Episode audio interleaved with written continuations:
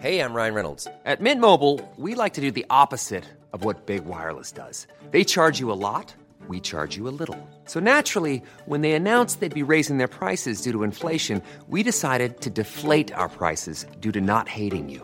That's right. We're cutting the price of Mint Unlimited from $30 a month to just $15 a month. Give it a try at mintmobile.com slash switch. $45 upfront for three months plus taxes and fees. Promo rate for new customers for limited time. Unlimited more than 40 gigabytes per month. Slows. Full terms at mintmobile.com. Many of us have those stubborn pounds that seem impossible to lose, no matter how good we eat or how hard we work out. My solution is PlushCare.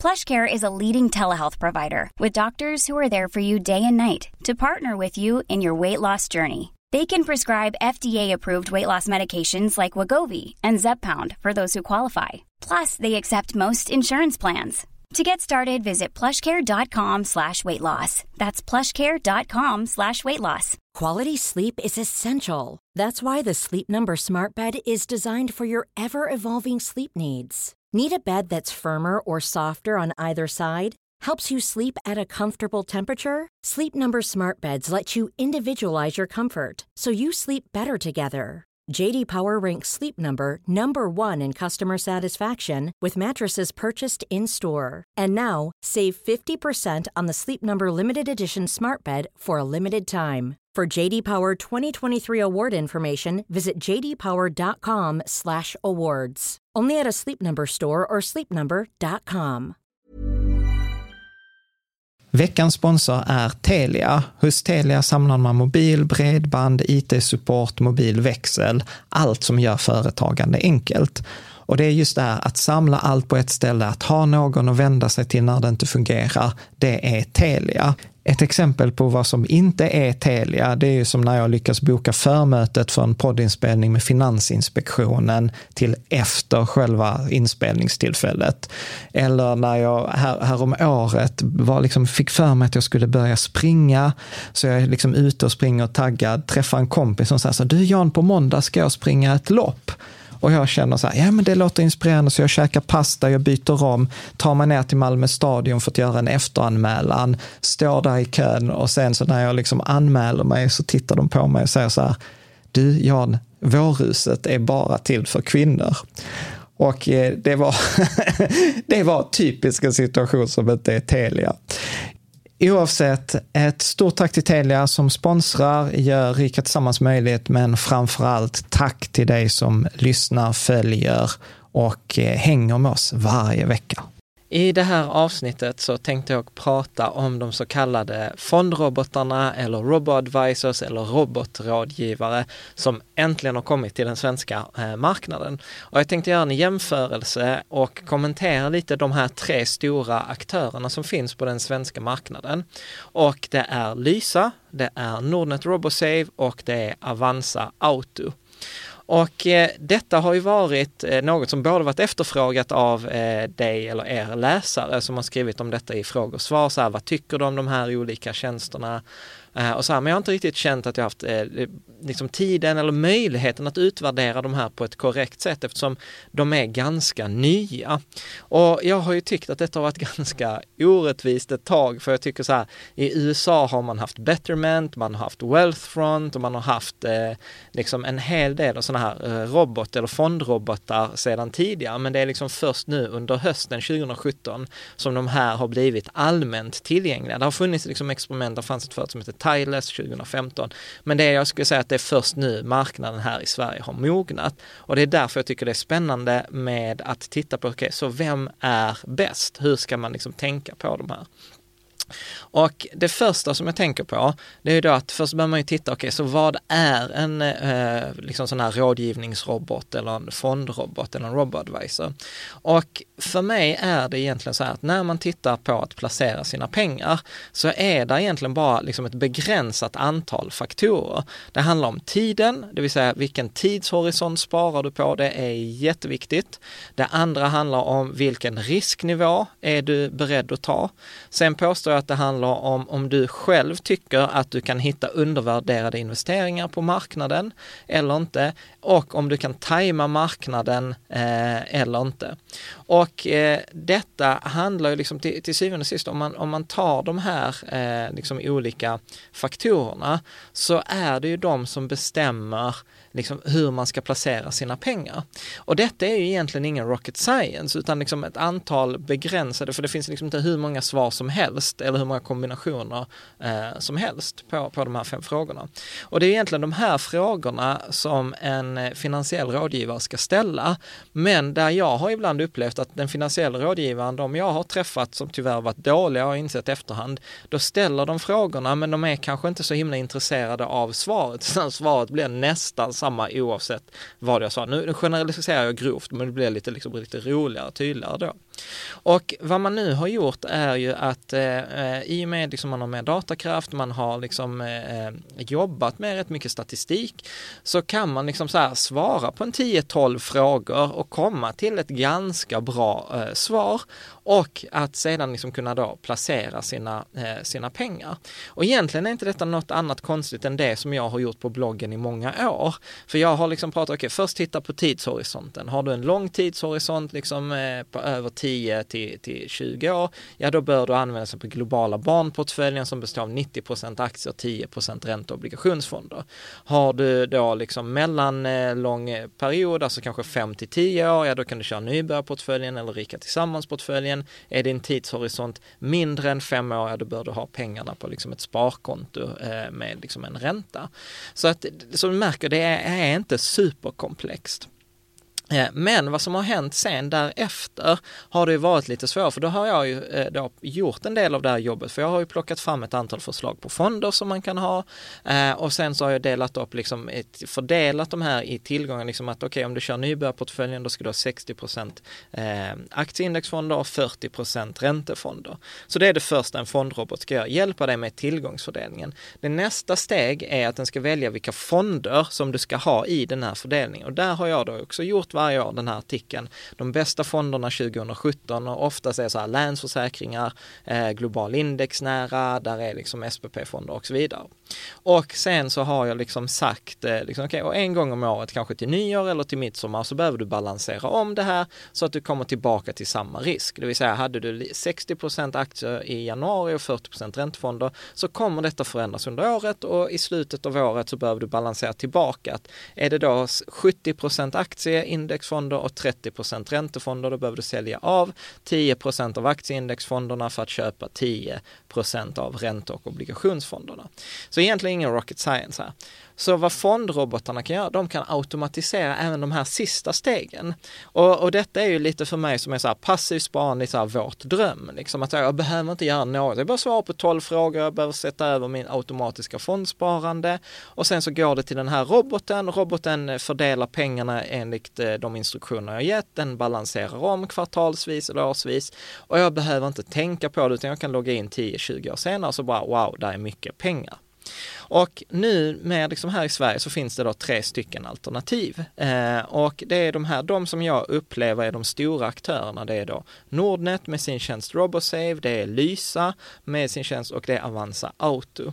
Och eh, de senaste liksom, två eller tre veckorna har jag lagt ganska mycket tid på att testa de här eh, tjänsterna själv.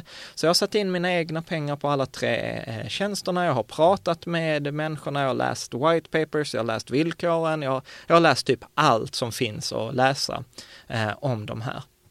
Och jag tänkte innan jag hoppar in i att liksom vad jag tänker kring de här olika tjänsterna så vill jag bara så vara supertydlig med disclaimer. Som du hör då, jag är kund uppenbarligen hos alla de här tre aktörerna.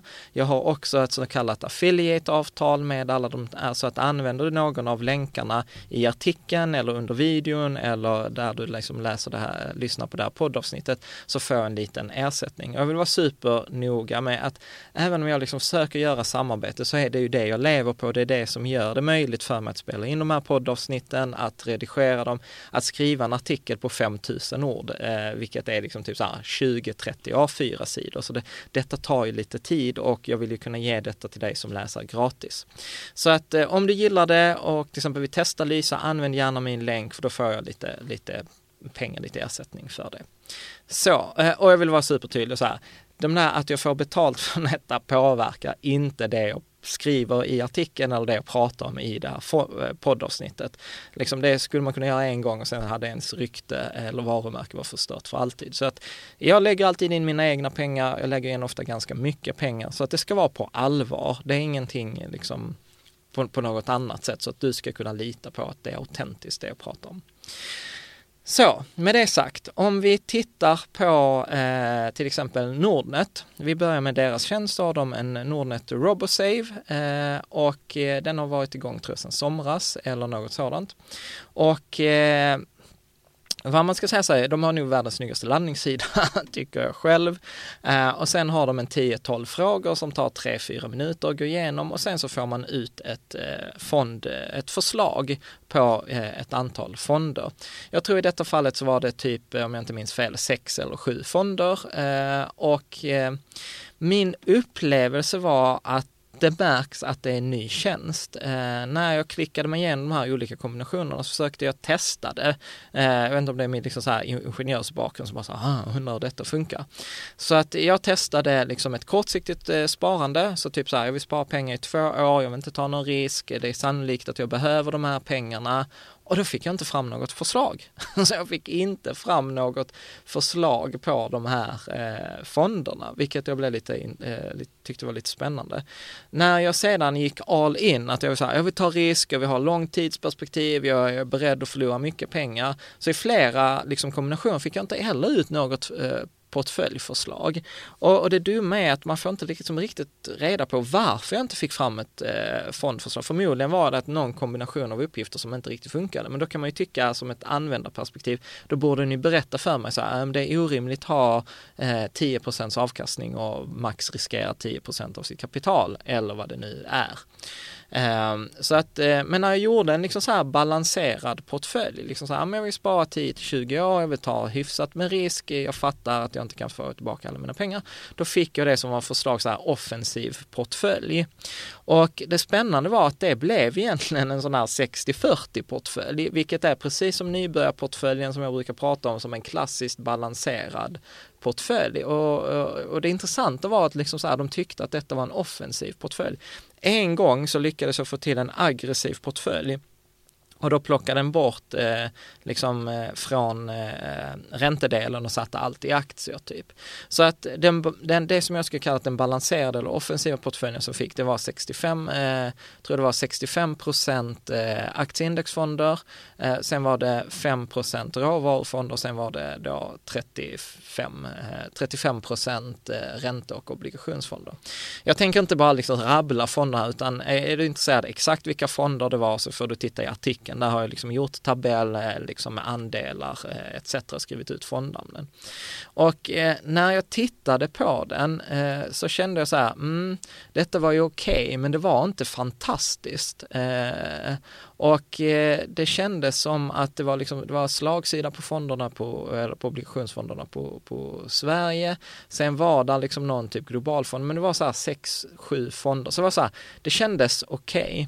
Sen när man tittar på avgifterna så var avgifterna uppemot 0,7 procent och då tog man inte ens med de här valutaväxlingsavgifterna, för Nordnet skriver det tydligt på sin hemsida att eh, vid liksom köp av de här eh, fonderna som är i en annan valuta, då får du en valuta, en spread på 0,5 procent. Och då är den både vid köp och vid försäljning. Och när jag räknar på det, okay, så vilka av de här fonderna som de erbjuder den här offensiva portföljen är i en utländsk valuta? Och då var det typ 50 procent av kapitalet. Så jag tycker liksom så här, detta är extremt dyrt. Alltså jag brukar ju prata om att om man ska välja fonder till sitt sparande, då ska man maximalt ha, titta på en avgift på 0,4 procent. Och här pratar vi 0,7 procent och sen ska jag dessutom betala 0,5 procent på 50 80 av mitt kapital när jag köper och när jag säljer. Så att eh, jag var så här, mm, okej okay lösning, lite dyr, eh, inte helt eh, fantastisk om jag skulle vara lite hård mot Nordnet så kändes det som så här, gud, äh, vi behöver få ut någonting, liksom det finns utomlands och det blir väldigt konstigt om inte vi har det så vi sätter upp den här robo-advisorn. Däremot är, verkar det vara när man läser villkoren en riktig rådgivningstjänst så att det får de plus i kanten för. Gränssnittet också snyggt att man kan liksom sätta in pengar från sitt konto via autogiro, eh, ställa in, jag tror att det var 5000 kronor behövde man börja med och sen kunde man spara från en hundralapp och eh, uppåt. Så att liksom så här funktionsmässigt ganska bra, fonderna mediokra eh, och väldigt dyrt. Så det är Nordnet eh, Robosave, men ändå tillräckligt intressant för att jag faktiskt satte upp ett sånt här månadssparande för att liksom testa det och se, se hur det går.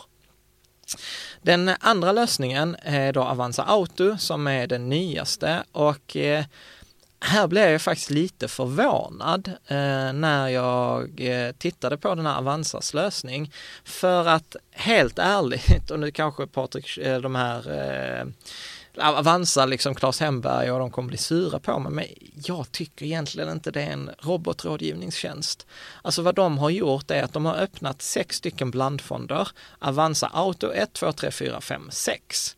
Eh, och eh, vad de har gjort i de här det är att de har ändrat lite i tillgångsallokering i de här och sen så får jag ställa en fråga så här, okej, okay, vill du ha kortsiktigt eller långsiktigt? Och sen så får jag liksom en graf där jag kan se liksom så här maximal förväntad avkastning, minimal förväntad avkastning och något genomsnitt, typ en Monte Carlo simulation så som jag brukar visa. Och sen får jag själv välja mellan tre alternativ. Och tittar jag på det här låg, eh, liksom som den säger på kort sikt, då föreslår den ändå så här typ 45 aktier och eh, liksom eh, 55% räntefonder, vilket jag tycker är helt crazy för en kortsiktig portfölj på två år.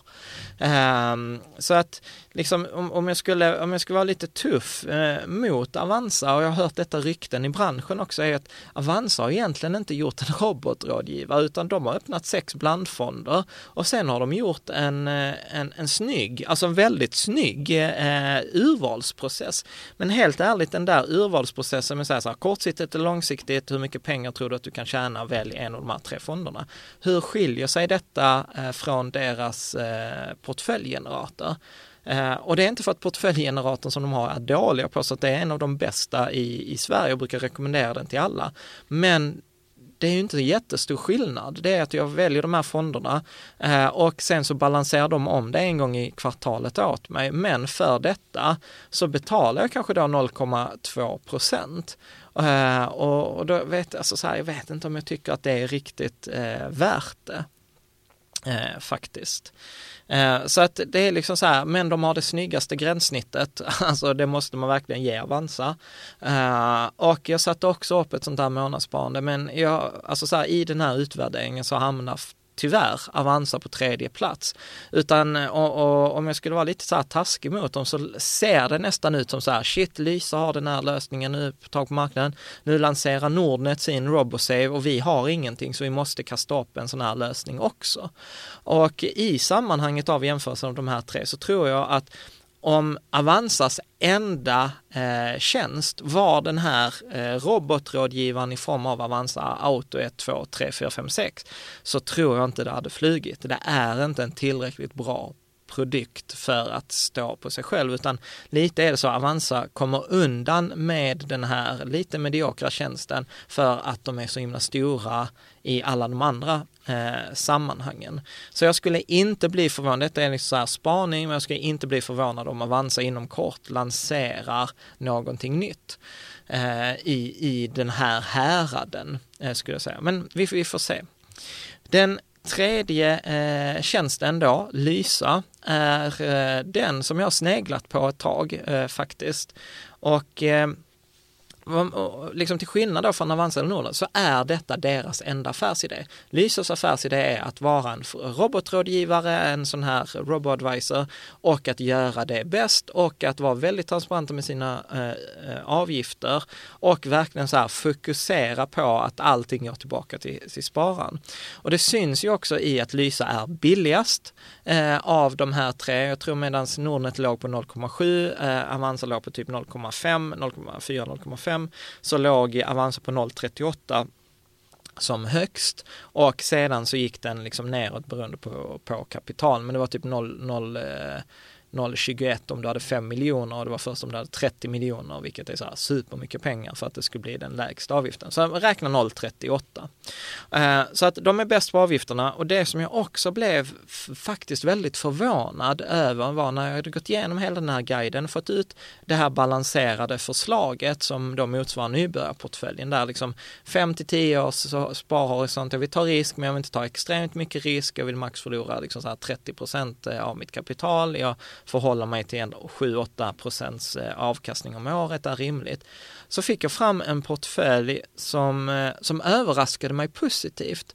Och anledningen till att den överraskade mig är att de fonderna som ingick i den här eh, portföljen var väldigt, väldigt bra. Och det är för att jag liksom i många år liksom följt den amerikanska marknaden och där det det jag påstår det bästa fondbolaget när det gäller indexfonder är ju Vanguard, det amerikanska fondbolaget. Och eh, flera av de här Vanguard-fonderna är precis det Eh, Eh, som Lysa har valt att placera pengarna i. Så att det var liksom Vanguards småbolagsfond med 4300 bolag, det var Vanguards, liksom fler av de här fonderna. Och de har ju extremt låga avgifter. Flera till exempel av Vanguards fonder har mellan 0,05 och 0,22 eh, procents avgift. Så det, det förklarar också att Lysa kan ligga lägre avgift och vilket också är då väldigt kontrast mot till exempel Nordnet som låg högst i avgift och som till och med i avtalen skriver så här, vi är inte en oberoende rådgivare utan vi kan ha samarbete med de fonderna vi väljer. Och vilket är så här, det är ju typ det du inte vill ha, utan du vill ha en robot som ser till ditt bästa och det är min upplevelse att Lysa eh, har lyckats med. Så att eh, jag liksom så här, wow. Eh, och helt ärligt så tror jag faktiskt inte, alltså detta tog lite emot, men jag tror inte jag skulle kunna sätta ihop en bättre portfölj själv. Jag tror, jag själv tror nog att mina portföljer är bättre än Nordnets förslag, att de är bättre än Avanzas förslag, men jag tror inte att eh, de är bättre än, eh, än Lysas förslag. Särskilt inte eftersom Lysa har tillgång till de här Vanguard-fonderna direkt eftersom de är en institutionell placerare och framförallt också att de jobbar just eh, enligt uppgift med den här valutaväxlingen där, de, där man betalar det det kostar men de tjänar inte några 0,5 procent på den här valutaväxlingsavgiften. Så att eh, jag tycker så här, Lysa är den tydliga vinnaren i de här testen och jag tyckte detta var så bra så att jag valde faktiskt att flytta mitt företagssparande till eh, Lysa så att det blev rätt mycket pengar där. Nackdelen med Lysa är att eh, ett, gränssnittet inte är fantastiskt. Alltså jämför man med till exempel Avanza så ligger de efter. Men det är inte så heller så konstigt för jag gissar att Avanza har supermånga programmerare, de har duktiga UX-grafikmänniskor medan eh, liksom Lysa har fokuserat på att göra en bra, liksom bra tjänst. Sen är det inte dåligt. Jag blev positivt överraskad till exempel att jag kunde öppna företagskonto med, med mobiltelefonen, med mitt bank-id. Det har jag typ aldrig varit med om innan.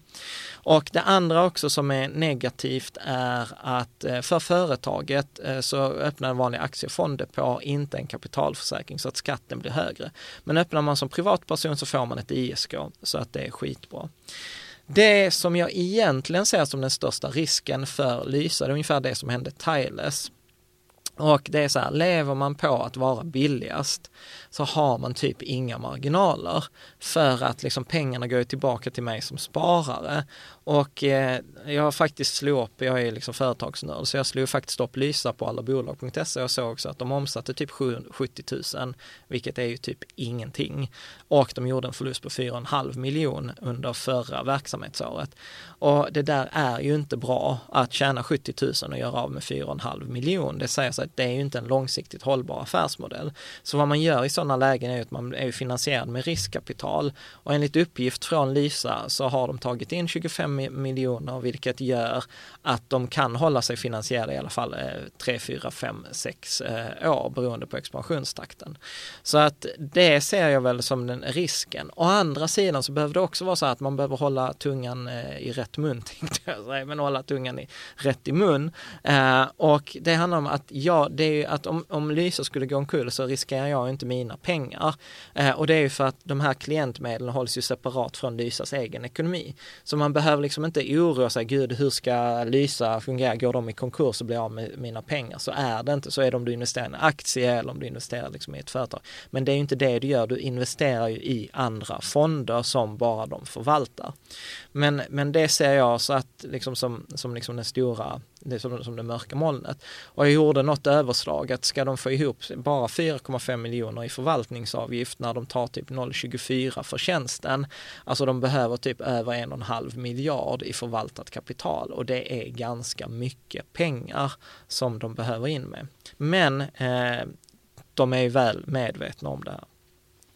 Så om jag skulle börja runda av eh, det här så, så vill jag också faktiskt säga en sak först och det är att det här med robotrådgivare, alltså med, oavsett om det är Avanza Auto, Nordnet Robosave eller eh, om det är Lysa, så är inte detta en ny investering. Detta är inte typ som Better Global eller Trine eller de sakerna som jag pratar om ibland, där man tar en del av sitt sparande från sina indexfonder och placerar där för att göra gott eller ha något annat sådant perspektiv, utan detta är ju egentligen ett alternativ att om du redan har din nybörjarportfölj så kan du ju liksom göra sparandet själv, välja fonderna själv, balansera det själv eller så tar du de pengarna eller en del av de pengarna och flyttar dem till Lysa eller Nordnet eller Avanza och låter dem göra jobbet. Men det är fortfarande samma fonder. Tittar man i artikeln så ser du att det är rätt stora överlapp mellan de här fonderna i mina portföljer och de som finns eh, föreslås av de här robotrådgivarna. Och det är helt enkelt för att det är billiga fonder, det är bra fonder och det är fonder som kommer ge en avkastning som index över längre tidsperioder. Så att detta är inte så, och återigen någonting nytt, utan nej, detta är tvärtom någonting som du redan gör, men att man kan automatisera detta ett steg till. Så skulle jag liksom sammanfatta detta så så ställde jag mig frågan så här, så är robotrådgivaren någonting för mig? Och, eh, och jag tyckte det var en jättetuff fråga. Och anledningen till att jag tycker att det är en tuff fråga är för att jag har ett kontrollbehov. Jag vill ju liksom veta vad mina pengar gör, själv är bästa dräng och hela den där grejen. Eh, men helt ärligt, det tar tid att balansera om, det tar tid att hålla koll på fonderna, det, det kostar avgifter.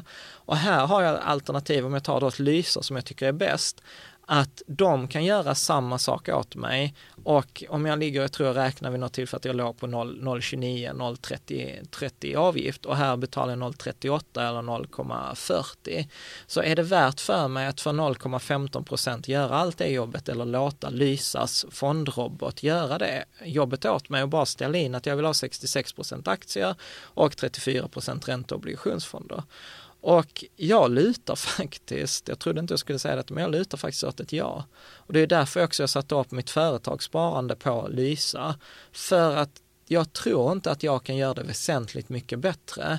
Och eh, pratar vi 0,14 eh, procent eh, så är det alltså på en miljon så är det 1 och 4 i kostnad för att få det här hanterat. Och det tycker jag är liksom fullt, eh, fullt rimligt, särskilt när jag får fonder, liksom den här breda globala portföljen och jag får dessutom något som ombalanserar hela tiden.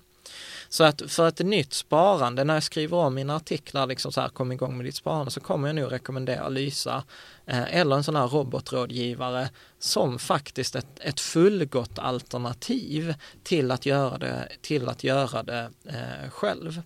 Sen är frågan så här, behöver man, om du redan har en fungerande process, behöver du byta från den och starta en sån här robotrådgivare? Nej, det tror jag inte, utan det är inte som att jag kommer ta ut alla mina pengar nu från eh, liksom min Nordnet, eh, mina Nordnet-portföljer och sen flytta dem till Robosave eller flytta dem till Lysa. Men jag kommer definitivt lägga in, eh, liksom då, i mitt fall, sparandet via företaget på, eh, på Lysa. Så att eh, helt enkelt det, det, det, är upp till dig eh, att, att bestämma själv. Eller så gör du både och. Att sparar du idag kanske en tusenlapp eh, på din portfölj, ja, men ta 500 till portföljen och sen lägg 500 på Lysa eller liknande. För att testa så har du jämförelse. Så skulle jag sammanfatta det, så eh, det som var bra med Avanzas, det var ju att de har ett jättebra gränssnitt, alltså de här eh, grejerna, liksom hur du väljer. Men det negativa är att frågan är så här, är det en fondrobottjänst överhuvudtaget? Är det inte bara en blandform, blandfond med en pimpad införsäljningsprocess? Um, det, om vi tittar vi på, på, och att den inte hade hållit eh, liksom för sig själv. Jag tror inte Lysa hade kommit undan om de hade haft Avanzas eh, modell som affärsidé. Då hade jag tyckt att eh, det, detta var lite fattigt. Men Avanza, de är ju stora, de kommer undan med det och jag tror de kommer få en hel del kunder på det i alla fall. Nordnets Robosave, en tydlig andra plats. Eh, de har tänkt till, eh, de är liksom också bra gränssnitt, det är enkelt, man svarar på de här frågorna, men du får inte alltid ut en portfölj i, i, i extremlägena, det funkar inte alltid, utan typ åtta fall av tio så fick jag den, eh, liksom, vad heter det, offensiva portföljen trots att eh, jag försökte liksom variera de här valen. Eh, och det som egentligen nog gör att jag tycker att Nordnet går bort är att det är dyrt. Alltså det är 0,7 i avgift eh, och sen så tillkommer valutaväxlingsavgiften. Men värt att testa.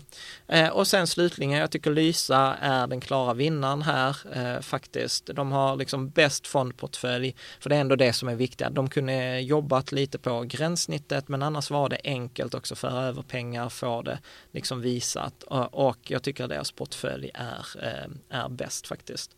Sen får man liksom hoppas att de får ihop sin affär och att de får in pengar så att de kan fortsätta eh, sin, eh, sin verksamhet. Så att eh, jag hoppas att du gillade den här eh, genomgången. Eh, gå in på, eh, där finns länk eh, om du lyssnar på detta via podd så finns det länk i beskrivningen. Annars gå in på Rika Tillsammans och så liksom sök där vem är bäst, eh, Lysa, Nordnet eh, etc. så kan du se liksom direkt vilka fonder det var, hur fördelningen var, hur, hur man resonerade. Och är det så att du vill testa då Nordnet, Avanza eller Lysa, använd gärna en av mina länkar så att där kommer en liten kickback till mig på de här och eh, tack för att du följer mig på bloggen. Tack alla ni som har ställt de här frågorna i frågor och svar och sorry att det har tagit lite tid. Men det säger sig själv att den här artikeln har tagit lite tid att göra. Eh, jag publicerar detta idag söndag kväll så jag hoppas att du får en fantastisk vecka och eh, tack än en gång.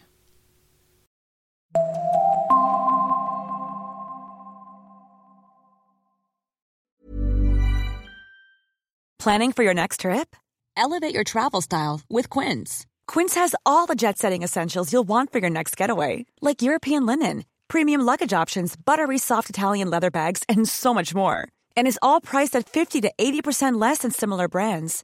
Plus, Quince only works with factories that use safe and ethical manufacturing practices. Pack your bags with high-quality essentials you'll be wearing for vacations to come with Quince. Go to quince.com slash pack for free shipping and 365-day returns.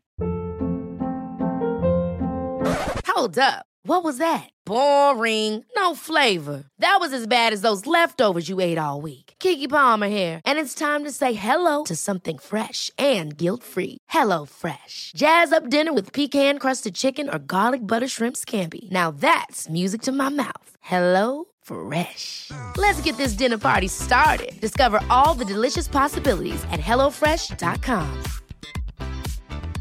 Acast anbefaler. Mit navn er Anders Morgenthaler. Over for mig sidder Roald Bergmann. Vi har lavet en ny podcast, der hedder Dopaminklubben. Og Dopaminklubben er en klub, hvor ADHD er fucking sjovt, og hvor det griner. Det behøver ikke at være super alvorligt. Vi er skide trætte af alle de der podcasts, der forklarer mig og nederen der. Vi gør grin med vores ADHD. Mulig ADHD. Ja, vi udreder mig, fordi nogen siger, at jeg har det. Jeg ved det ikke rigtigt, det finder vi ud af. Vi har i hvert fald lavet vedmål. Ind og lyt til Dopaminklubben. Hver uge udkommer vi. Der laver vi sjov og spas med at have den her vidunderlige dopaminmangel.